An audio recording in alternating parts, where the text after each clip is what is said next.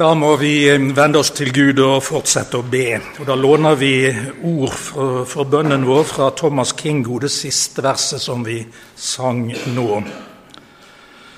Jesus, jeg med sorg, med gråt vil bede.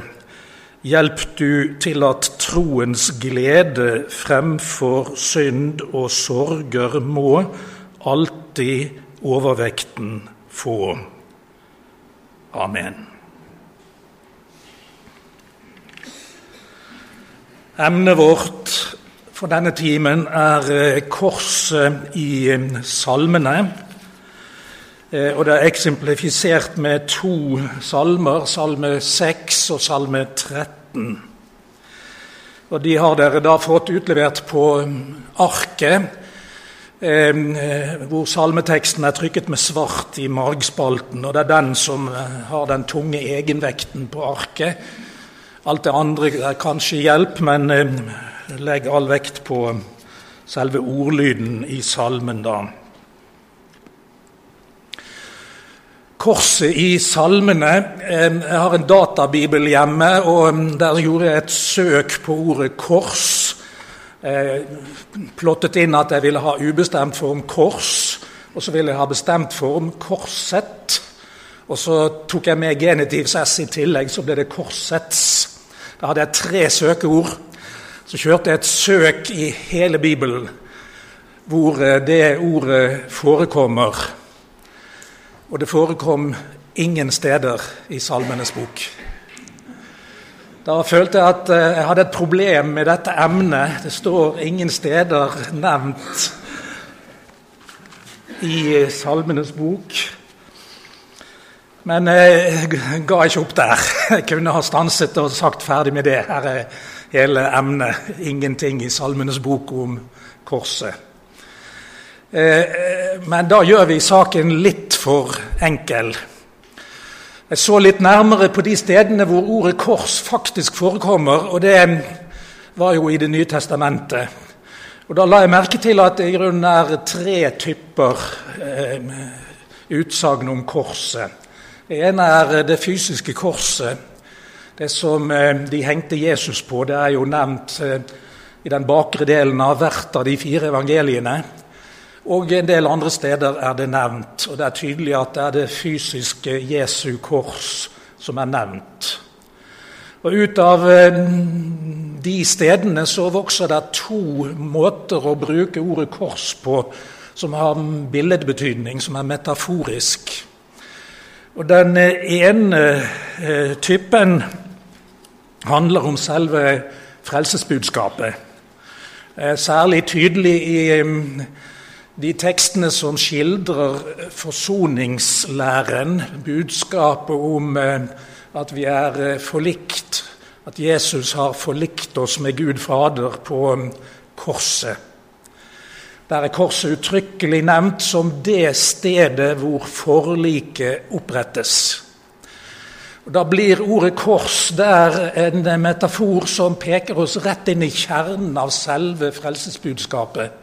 Budskapet om at vi mennesker av vesen og natur er syndere og dermed fiender av Gud. Og fordi vi er fiender av Gud, trenger vi forsoning med Gud. Og den kan vi bare få på én måte, nemlig ved Kristi kors. I forsoningslæren er altså korset brukt som ja, skal vi si pekefinger som peker oss rett inn i selve læren om frelsen. Jeg valgte ut ett skriftord på notatene mine for å illustrere denne måten å bruke korset på. Da valgte jeg ordet i Kolossabrevet 2,14. Han utslettet skyldbrevet mot oss. Det var skrevet med bud, og det gikk oss imot. Men han tok det bort da han naglet det til korset. Der er ordet 'kors' i en beskrivelse av hvor det ble av skyldbrevet mot oss. Jesus naglet det til korset. Den måten å bruke ordet kors på det er altså en peker direkte inn i selve kjernen av frelsesbudskapet. Men så så jeg at det var en gruppe tekster til i Det nye testamentet som bruker ordet kors. Og Det er bl.a. i Jesu egen munn i Markus 8, 34. Og Da handler det om vandringen som disipler, som troende disipler. Eh, sammenhengen der i Markusevangeliet og i parallellstedene hos Matteus og Lukas er at Peter har avlagt en glade bekjennelse til Jesus. Og så har han eh, eh, deretter fått den krasse tilrettevisningen etter at han hadde sagt det der som du varsler om døden på korset, må aldri skje med deg, Jesus. Og Jesus sier til Peter, 'Vik fra meg, Satan'. Og Så kommer vårt vers, eh, ikke i forlengelsen av det der, men eh, for å, så å si, gi oss et nytt signal om disippelskap sammen med Jesus. Så kalte han til seg folket, står det i Markus 8,34, sammen med disiplene sine, og han sa til dem, den som vil følge etter meg, han må fornekte seg selv, ta korset sitt opp og følge meg. Og hva er det for noe? Jo, det er en eh, som er Jesu disippel, og som er disippel av Jesus under vandringen her på jorden, som har fått syndenes forlatelse ved troen på Jesu kors. Og så sier Jesus, da må du ta korset ditt opp så jeg og du har også et kors å bære mens vi er disipler. Jeg tror kanskje det er det som har eh, hovedfokus i de tekstene i Salmenes bok som vi nå skal se på. Den korsvandringen som består i at Jesus sier 'ta ditt kors opp og følg meg'. Å være disippel det er jo å følge Jesus. Selve den glosen som beskriver disippelskapet, det er å være efterfølger vandrer. Men Jesus sier 'ta korset opp'. Og Da er vel det samlede budskapet at du får ditt kors og jeg får mitt kors, og de kan være nokså forskjellige i praksis, hvordan det er å gå med de på, på skulderen og streve med hvert kors. Jesus gir hver av oss vår egen livshistorie i så måte, og den ene trenger ikke å ligne på den andre. Vi kan være svært forskjellige på mange vis. Så jeg tenker meg da at Når vi går til Salmenes bok, så er denne, denne disippelskapsvandringen under korset det er det temaet som, som vokser frem eh, mens vi eh, ser på Salmenes bok. Det er en vandring hvor vi hele tiden er i bevegelse. Føttene våre trasker og går gjennom livet. Og eh, noen ganger er vi langt nede, og andre ganger er vi eh, høyt oppe, kanskje. og Ofte er vi nokså middels grå midt imellom. Det er livsvandringen vår. Eh, sånn er det å være et menneske i denne verden.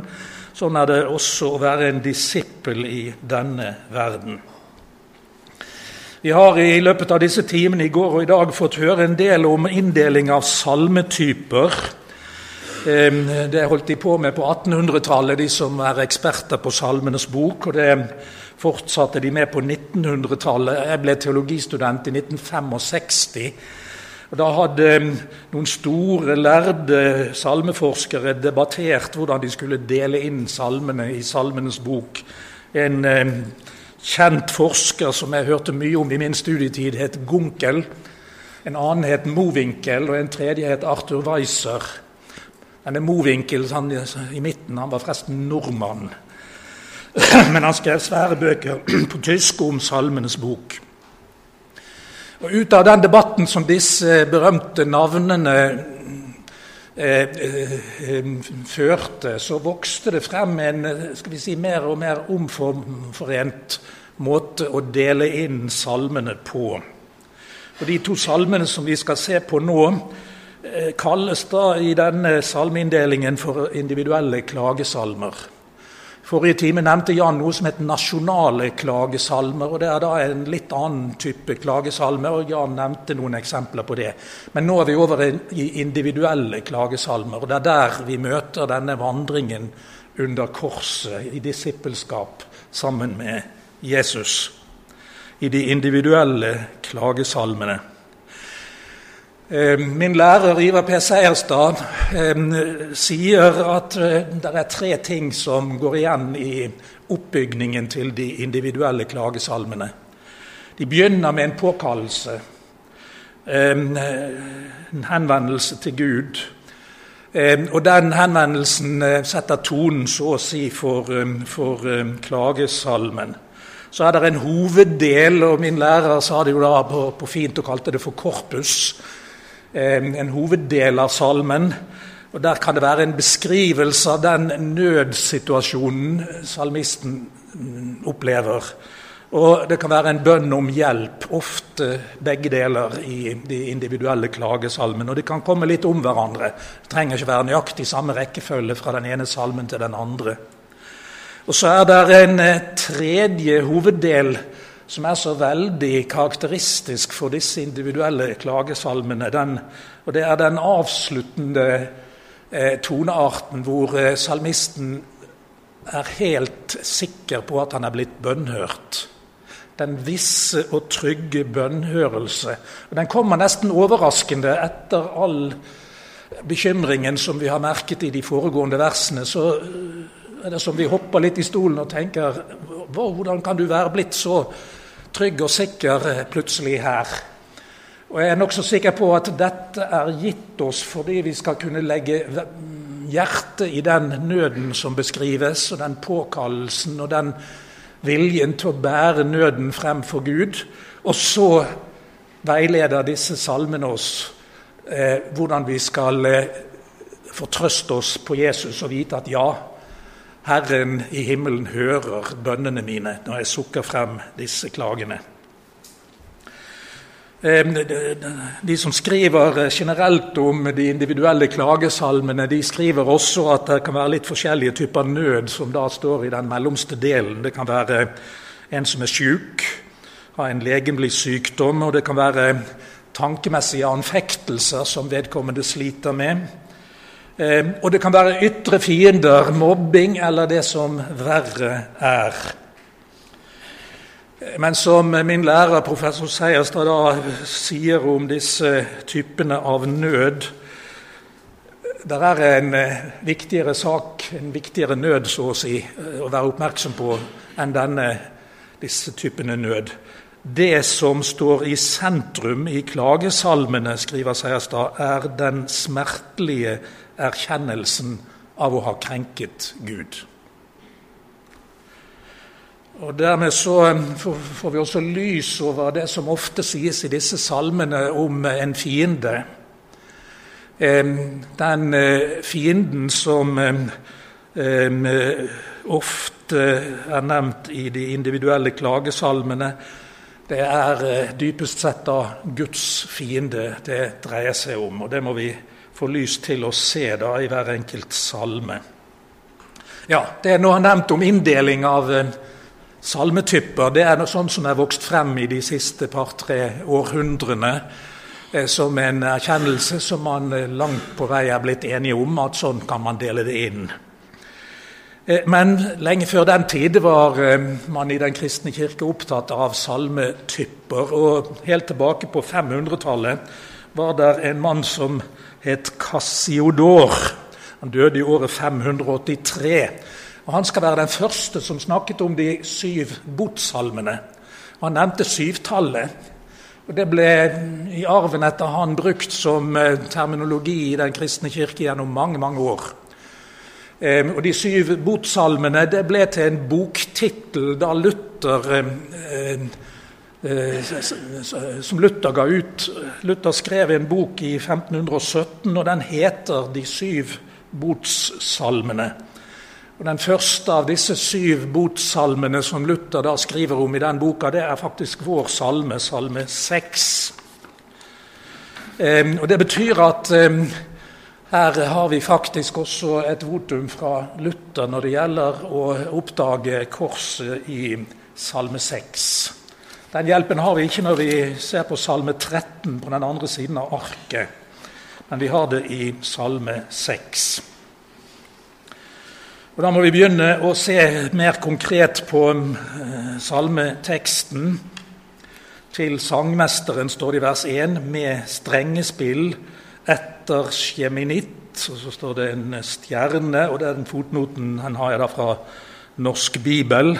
Sjeminitt betyr 'den åttende'. Kanskje handler det da om et instrument med åtte strenger, står det der. Etter at jeg hadde laget dette arket, så leste jeg en eh, kommentar til Salme 6 som er skrevet av en som heter Frans Delitzsch. og Han hadde en annen forklaring på dette spennende ordet 'sjeminitt'. Han sa eh, Åttetallet, sa han, det er jo en oktav. det sa han, og Der er noen salmer som er laget for sopraner, og de står, der står det ofte alamott. Det skal synges av jomfruer. De er sopraner ofte. Men så skal du gå én oktav ned, til, eh, og da blir det bass. Eller kanskje tenor. Det er en mulig forklaring. At kanskje sier eh, eh, kong David her til oss at denne salmen skal synges av herrestemmer, av bassstemmer. Hvorfor det, da? Den glade, lyse soprantonen når det handler om salmer som skal fortelle oss eh, veivise oss til det som vekker jublende glede. Men når det er utgangspunkt i noe tungt og trist, sånn som det vi skal se på her, så passer det i grunnen best at det er herrestemmer, bassstemmer, som synger det. Ok, Det var Frans Delitz sitt forslag til å se på, på dette ordet her. Og noe mer enn forslag kan vi vel ikke vente å få i dette spørsmålet her. Men la oss se på selve ordlyden. Det er mye viktigere, naturligvis. Og Da kommer vi til påkallelsen i vers 2. Den er eh, eh, voldsomt sterk. Det er en sjokkåpning. Herre, straff meg ikke i din vrede, og tukt meg ikke i din harme. Vi møter en med urolig samvittighet i eh, denne sjokkåpningen. Det er eh, en som eh, skjelver for Guds trone fordi samvittigheten sier at jeg står under Guds vrede og straff. Og så vender han seg til Gud og ber en bønn om det. Og Han tar det altså for gitt at et menneske rett og slett står under Guds vrede, under Guds harme. Det er ikke gjenstand for diskusjon her i vers 2, men det er bare konstatert. Jeg har altså sett hvordan Luther skriver om dette i den boka hvor han har skrevet om denne salme 6 i de, boken om de syv botsalmene. Og Jeg har resymert det avsnittet om vers 2 i med grønn tekst på arket. Det er mitt lille referat av Luther. Han er en kraftig forkortelse, da, for han er mye mer ordrik enn dette. Men det ble tett nok på arket mitt, selv om det er en dramatisk forkortelse. Luther skriver om vers 2. All lidelse og korsbæring bør anses som en gudsendt avstraffelse, sier han. Derfor bør disipler som lider, straks springe til Gud og innse at Guds fiendtlighet og straff er menneskets største problem. Gud straffer på to måter, sier han. Dels som en god far, og dels som en streng dommer. Men salmisten lærer oss da i dette, dette vers 2 å be Gud om å straffe oss som en god og kjærlig far. At det må være den typen straff Gud eh, retter mot oss i det han, i det han eh, tukter oss på denne måten. I kommentarlitteraturen så snakker man ofte er dette en salme som springer ut av at salmisten er sjuk, at han har eh, problemer med den eller den type nød. Og Det finner vi ofte eh, grunner til å tenke nedover i salmetekstene. At det kan være slike nødsituasjoner av mer dennesidig slag. Eh, og så er det noen av eh, bibelkritikerne som sier at ja, der ser du, han, eh, han tar feil. Han tror at eh, lidelsen i denne verden er vitnesbyrd om at Gud straffer meg. Så Da sier de liksom som så at her i vers 2 så tar salmisten rett og slett feil. Han har en ytre jordisk nød av et eller annet slag. Og så løper han til Gud og tenker på Guds straff med en gang. Men det er omvendt. Det forholder seg helt omvendt. Vi skal alltid, når vi går her gjennom livet her på jorden og møter en eller annen dennesidig belastning, et kors å bære her i dette livet, så skal vi tenke at dette er Gud som oppdrar meg gjennom tukt på, her i dette livet. Og Derfor er det det viktigste jeg kan gjøre hver gang jeg har et problem av denne sidig slag. Det er en indre sammenheng altså mellom eh, de forskjellige børene som vårt kors her i livet byr på, og vårt mest fundamentale problem, syndene våre. Og Det er det David i denne salmen setter fingeren på aller først i vers 2. Og Så følger han jo opp vers 2 med vers 3 da, og sier 'Vær meg nådig, Herre, for jeg visner bort'. Og Der får vi kanskje den følelsen av at han er syk. Han visner bort, sier han. Helbred meg. Han bruker til og med ordet 'helbred'. Helbred meg, Herre, for benene mine er forferdet. Jeg prøvde å se for meg bildet av forferdede ben. Det falt meg ikke veldig lett sånn, men det er jo en bibelsk tenkemåte, altså. Å føle seg veldig vissen og sånn. Akkurat så føttene mine på en måte ikke helt vil bære meg hvis jeg er passelig vissen. Så det er antagelig en sånn fysisk, kroppslig erfaring av et problem. Men eh, for kong David er det innlysende at dette problemet er likevel mindre enn det avgjørende problemet som han nevner aller først i vers 2. Eh, Luther skriver om vers 3.: Frykten for Guds vrede er forutsetningen for Guds nåde. Og Derfor går han i vers 3 eh, fra Herrens vrede til Herrens nåde. og formulerer bønnen sin og sier 'Vær meg nådig, Herre'. Det er Luthers poeng, da. Og Forstår du ikke dette, at Guds vrede er forutsetningen for Guds nåde, så forstår du heller ikke nådebønnen her i vers 3, skriver Luther. Det er en flott kommentar til denne salmen. Nåde krever at det må skje et sammenbrudd i synderens person, slik at han innser sin egen elendighet som fortapt og fordømt synder. Nå er eh, David i ferd med å skildre eh, nøden sin. Vi er eh, i hoveddelen av salmen, det som professor Seierstad altså kalte korpus. Sjelen min er grepet av stor forferdelse, står det i vers 4. Og du, Herre, hvor lenge? Spørsmålet 'hvor lenge' det høres på norsk ut som en ufullstendig setning. Vi, vi lengter etter både subjekt og predikat i den setningen der. Men gang på gang i Salmenes bok så står spørsmålet uten både subjekt og predikat. Fordi at det er selve spørreordet 'hvor lenge' som skal ha all vekten. Og Det handler da om eh, at vi er i en utholdenhetsprøve. Og når vi er langt nede, når vi har et kors å bære som har trykt oss kraftig ned, enten det er av det ene slaget eller det andre slaget, så får vi dette utholdenhetsspørsmålet hvor lenge, Herre, skal jeg slite med denne byrden? Da lærer kong David oss her å ta den belastningen vi har fått å bære med oss i bønn inn til Gud. Og vi har lov til å spørre Gud hvor lenge. Eh, og gjennom å spørre slik så får vi så å si hjelp til å tenke at Gud har jo likevel kontrollen.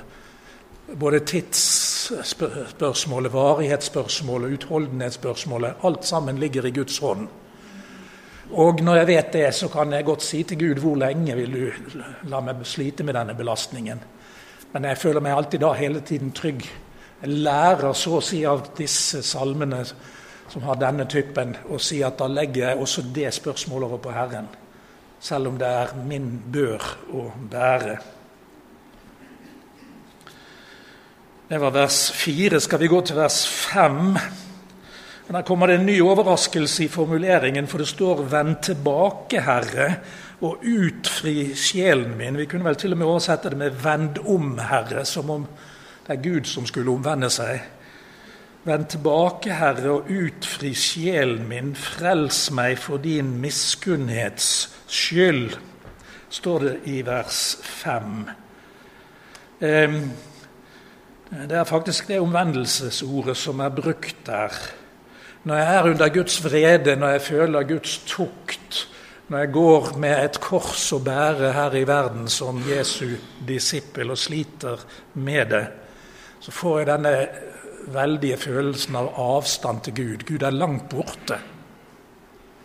Gud skjuler seg for meg, jeg ser ikke Gud. Og Så roper kong David, og han lærer oss når vi har det slik, at vi kan be om nettopp det. Du Gud som føles så langt borte, vend tilbake til meg. Kom tilbake igjen. Det er en eh, bønneoppskrift i sånne ord som dette som sier at sånn har du og jeg lov til å be. For det lærer vi rett og slett i Bibelen. Det er Den hellige ånd som har sittet ved siden av kong David og gitt han å skrive slike ting, for at vi alle sammen skal kunne lære av det og legge vårt hjerte i slike ord. Luther skriver om vers 5.: Når Gud har vendt seg bort fra oss, får han oss til å rope i bønn etter Guds omsnuing. Jeg valgte litt med tysken her, eh, omsnuing, men jeg laget det ordet omsnuing, da for å prøve å gjengi meningen til Luther. Eh,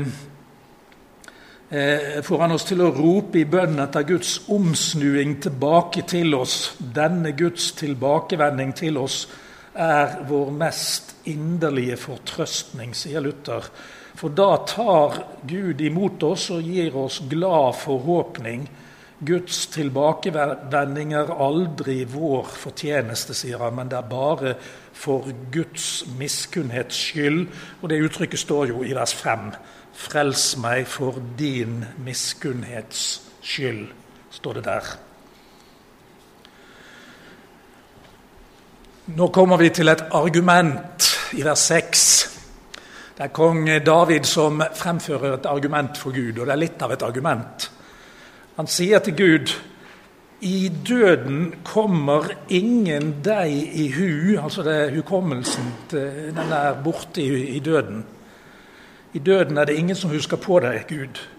Hvem priser vel deg i dødsriket? Sjeol er dødsriket, som er nevnt her i, på grunnspråket. I døden kommer ingen deg i hu. Det er tomt for lovprisning til Gud i dødsriket, sier eh, kong David i dette argumentet. Og da vil han altså overfor Gud begrunne at mens jeg ender i livet, så må du løfte meg ut igjen av denne tunge eh, anfektelsen som jeg sliter med, denne, dette korset som jeg har fått å bære, enten det er et kors av det ene eller det andre slaget. Eh, han sier eh, Han argumenterer med Gud og sier at hvis du lar meg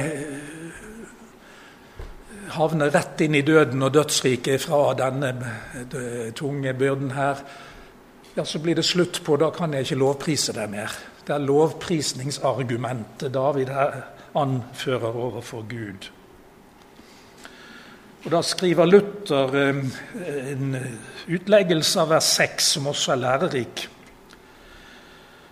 Luther skriver salmisten taler her i vers 6 ikke først og fremst om vår fysiske død, men mye mer om vår åndelige død når selve sjelen er død. Synd er sjelens død, og pine er sjelens helvete. Dette verset viser oss at lidelsen, som vi må lide her på jorden, altså, er som en port inn mot syndeskyld og evig straff. Og Derfor driver vers 6 oss til å søke Guds miskunn og barmhjertighet. Så kommer vi til vers 7 og vers 8. Jeg er trett av sukkene mine, sier David i salmen. Han tar sterkt i med tårer, veta jeg leie mitt hver natt. Sengen min er våt av tårene mine, sier han. Eh, Eh, og Denne skildringen av nød den er jo altså veldig intens. Skal vi se hva Luther skriver om disse to versene.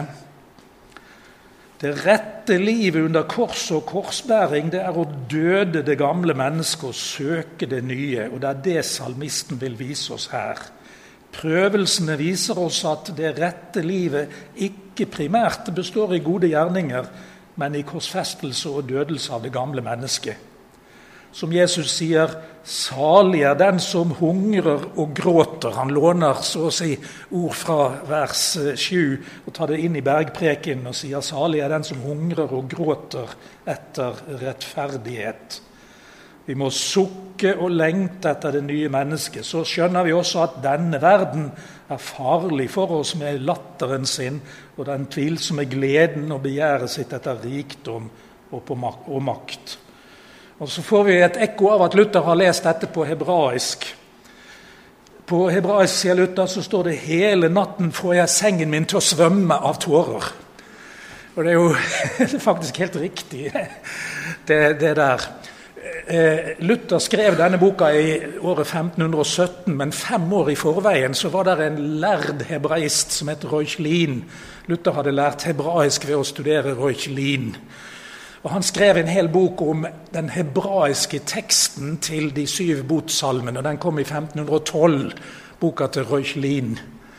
Eh, og Jeg ser liksom for meg at Luther, når han sitter i 1517, eh, antagelig litt før disse tesene i, eh, på kirkedøren i Wittenberg samme året, eh, så sitter Luther med Reuchlin sin bok og den hebraiske teksten, og så sitter han og skriver sin egen bok. Og så ser han der at ja da, her står det på hebraisk. Eh, for sengen, eh, sengen min eh, svømmer i, tårene mine.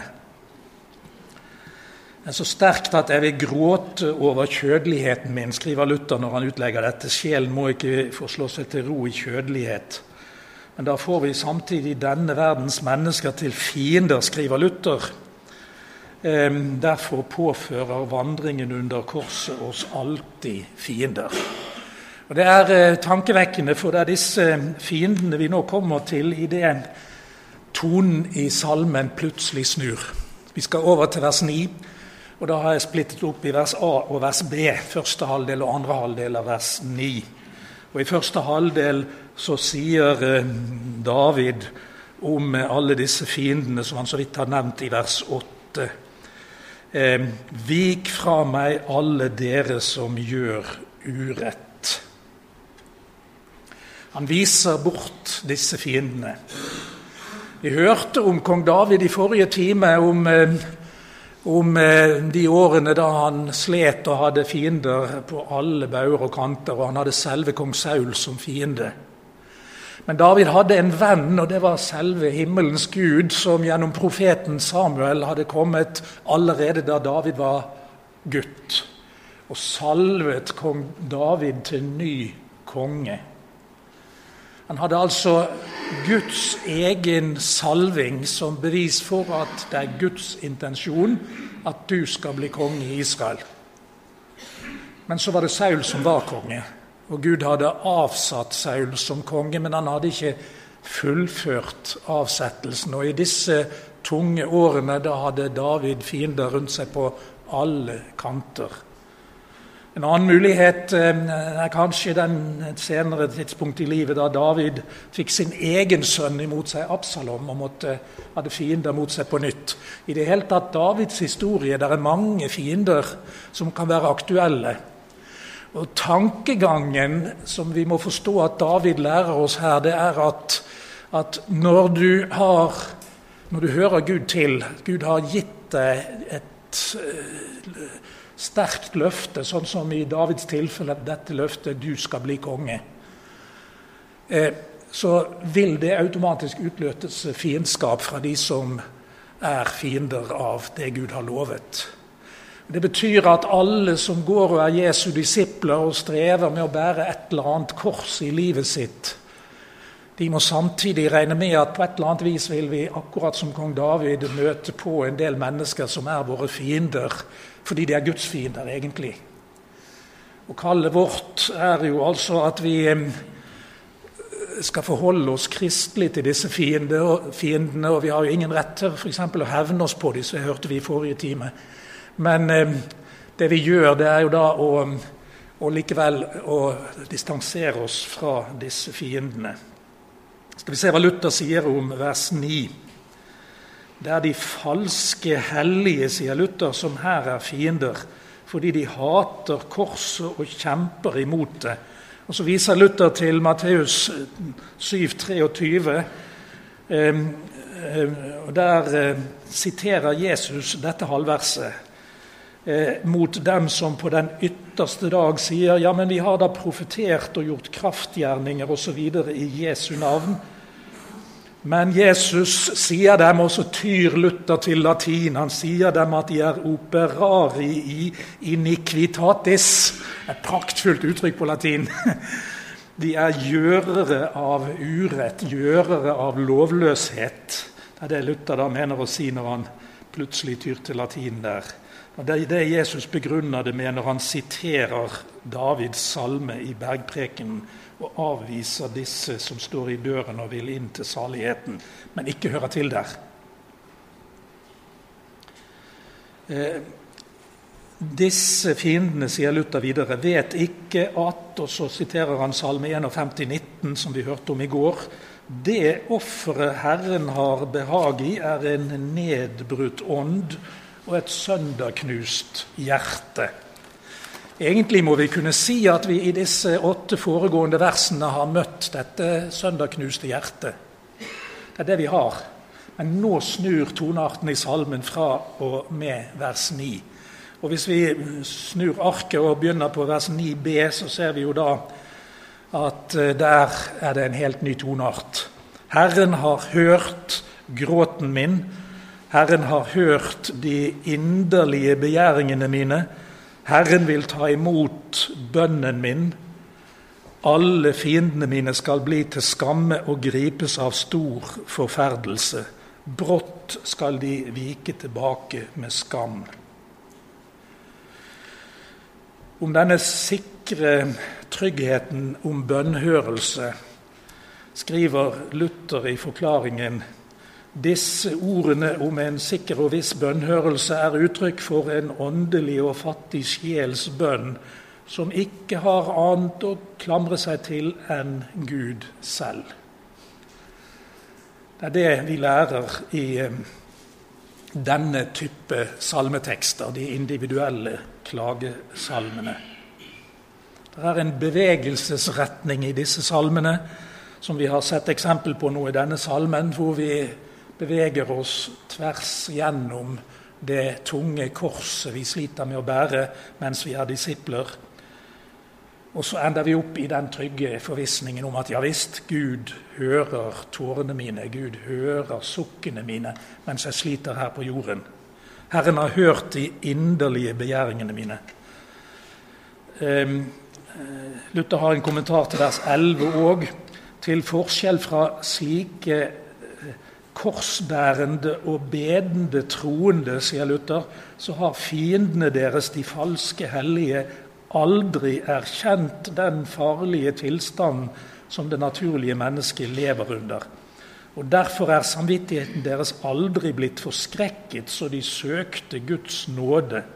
De vet ikke hvor usalige de er og Derfor vil det være godt for dem om Herren kunne gi dem den saliggjørende forskrekkelsen. Et, også et spennende uttrykk. Den saliggjørende forskrekkelsen. Så de kanskje kunne vende om og få Guds nåde. Og Det er jo en flott måte å tenke på om et sånt vers som vers 11, hvor eh, salmisten sier at alle fiendene mine skal bli til skam og gripes av stor forferdelse. Eh, det vil være godt om det kunne skje før fristen er ute til å omvende seg til Herren, men uansett så skal alle kne en dag bøye seg for Herren og erkjenne at han ja visst, han var Gud likevel. Nå har vi sett um, på Salme 6, um, og vi har igjen Salme 13. Og det er en salme av nokså nøyaktig samme slag som Salme 6. Og den beveger seg på samme måten. Det er et poeng når vi leser disse salmene, å få sans for denne bevegelsesretningen tvers gjennom salmen. Den eh, påkallelsen til Gud, den skildringen av nødstilstanden som vi finner i salmens hoveddel, også den sikre forvissningen om bønnhørelse som kommer i avslutningen av salmene. Det er et en oppbygning som går igjen og igjen og igjen i de individuelle klagesalmene. det der.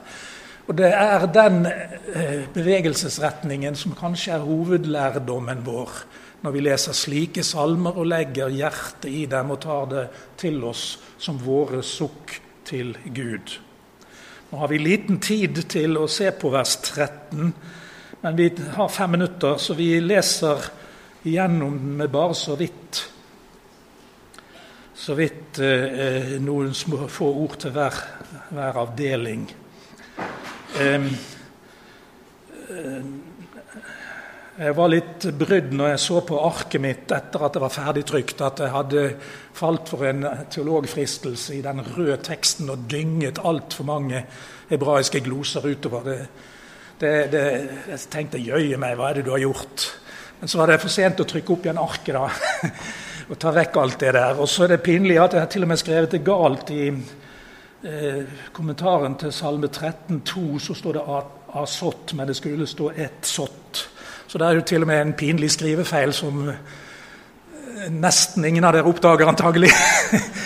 Eh, og det, det, er greit, det må jeg eh, Men det er ekko av at jeg har prøvd å lese denne salmen på grunnteksten, jeg òg, sånn som Luther gjorde. Men han kunne glosene så mye bedre enn meg, så jeg har dynget ut gloser som jeg egentlig ikke kunne godt nok. Og så ble jeg altfor raus med å dytte gloser utover arket. Det, så det er snarere et vitnesbyrd om at det var en relativt middelmådig hebraisk kunnskap som her var ute og gikk. Eh, og så ble det altfor alt voldsomt i den røde teksten. Skal vi gå til Salme 13, og så låner vi med oss alt det vi nå har studert i Salme 6, og ser på likhetene i Salme 13. Og kanskje mest fokus på denne gjennomgående bevegelsesretningen tvers igjennom salmen. Og denne oppbygningen er enda tydeligere i Salme 13 enn den var i Salme 6. Til sangmesteren en salme av David. Så begynner påkallelsen i vers 2 og vers 3 med fire spørsmål som er likelydende i begynnelsen. Hvor lenge, Herre, vil du glemme meg for evig? Hvor lenge vil du skjule åsynet ditt for meg? Hvor lenge skal jeg huse anfektende tanker i sjelen min og ha sorg i hjertet hele dagen? Hvor lenge skal fienden min opphøye seg over meg? Ja, David er langt nede når han ordlegger seg slik. Ehm, jeg strevde i vers ehm, 2, eh, nei, vers 3a Huse anfektende tanker. For det står egentlig 'huset rådslagning' på hebraisk. huset rådslagning. Men så tenkte jeg en rådslagning, der kommer det jo både pro- og kontraargumenter. Og i en skikkelig rådslagningsdebatt så kan det fyke argumenter frem og tilbake i rommet. Men hvis det der skjer inni hodet ditt, at eh, en tanke sier 'fy, min venn', og en annen tanke sier 'bra, min venn', og en tredje tanke sier 'nå må du passe deg, gutt'. Nå er du på, og En fjerde tanke sier noe stikk motsatt. Og en femte, og en sjette, og en sjuende og en åttende tanke de drønner mot hverandre inni hodet mens jeg sitter der. Hva er det som skjer med meg da? Da sliter jeg med å henge sammen inni hodet. Det er tanker som kolliderer. Og tankers rådslagning i denne betydning, det er anfektelsestanker. Så jeg tror det må være det som er ment her. og så La oss merke til hvordan Bibel 2011 oversatte dette. Det står 'uro i sjelen'. Og når jeg skulle oppsummere, så tenkte jeg ja, det tror jeg kanskje er et flott bilde av meningen med dette uttrykket. Når vi har uro i sjelen, og tankene kolliderer med et brak inni hodet. Og så blir det uutholdelig å være det mennesket som har det slik inni hodet. Det er Navids nød som her legges frem for Herren. Leif Mikkelsen, som var medlem av FBB på 1980-tallet, før han døde, og var jevnlig på møtene i FBB den gangen. Han har skrevet en flott bok om salmene, og han tenker seg kanskje til og med at det er en psykisk lidelse ute og går her i Salme 13. Det er et eh, spennende forslag. Samtidig så tenker jeg kanskje at eh, det likevel er mer dyptpløyende ting enn bare en psykisk lidelse. For det dypeste motivet er jo likevel, som vi så i den forrige salmen, vår største nød, at vi er syndere for Guds trone. Ehm, bønnedelen her i Salme 13 har vi i vers 4 og vers 5. Og Det er en oppfordring til Gud. Se hit og svar meg, Herre min Gud. Oppklar øynene mine, så jeg ikke skal sovne inn i døden, så fienden min ikke skal kunne si jeg fikk overhånd over ham, og slik at heller ikke motstanderne mine skal kunne fryde seg når jeg vakler. Se hit, sier David til Gud. Han bruker bydeform. Se hit. Svar meg. Det er lov, det. Hva er det som skjer hvis Gud er fjern og langt borte? Ja, Som om Gud har vendt ryggen til meg. Jeg har ikke øyekontakt med Gud. Gud føles langt borte. Hva er det David da ber om når han sier 'se meg, Gud'? Han ber egentlig om det som står i den aronittiske velsignelsen. Eh, Herren løfte sitt åsyn på deg og gi deg fred. Hva skjer når Gud løfter blikket og ser på meg? Da har jeg i åndelig henseende blikkontakt med Herren. Og det er akkurat det David ber om her når han sier 'Se meg, Gud', i vers 4. Da ber han om det samme som Aron-prestene skulle si når de sa velsignelsen over Israels folk. Se dette folket, Herre. Og Det samme vi gjør naturligvis når vi lyser den aronittiske velsignelsen i kristne forsamlinger. Da handler det også om Guds blikk som retter seg mot vårt blikk. Og vi ber inderlig om at sånn må det være. Og Så kommer vi altså i vers 6 til denne salmens trygge bønnhørelsesvisshet. Og Den er i vers 6 veldig velsignelsesrik. Begynner med et betont 'men jeg'. Og Så skifter denne salmen karakter på samme måte som den forrige salmen. Men jeg setter min lit til din miskunnhet. Hjertet mitt skal fryde seg i din frelse. Jeg vil lovsynge Herren, for Han har gjort vel imot meg. Og vi lar det være siste ordet i denne timen. Amen.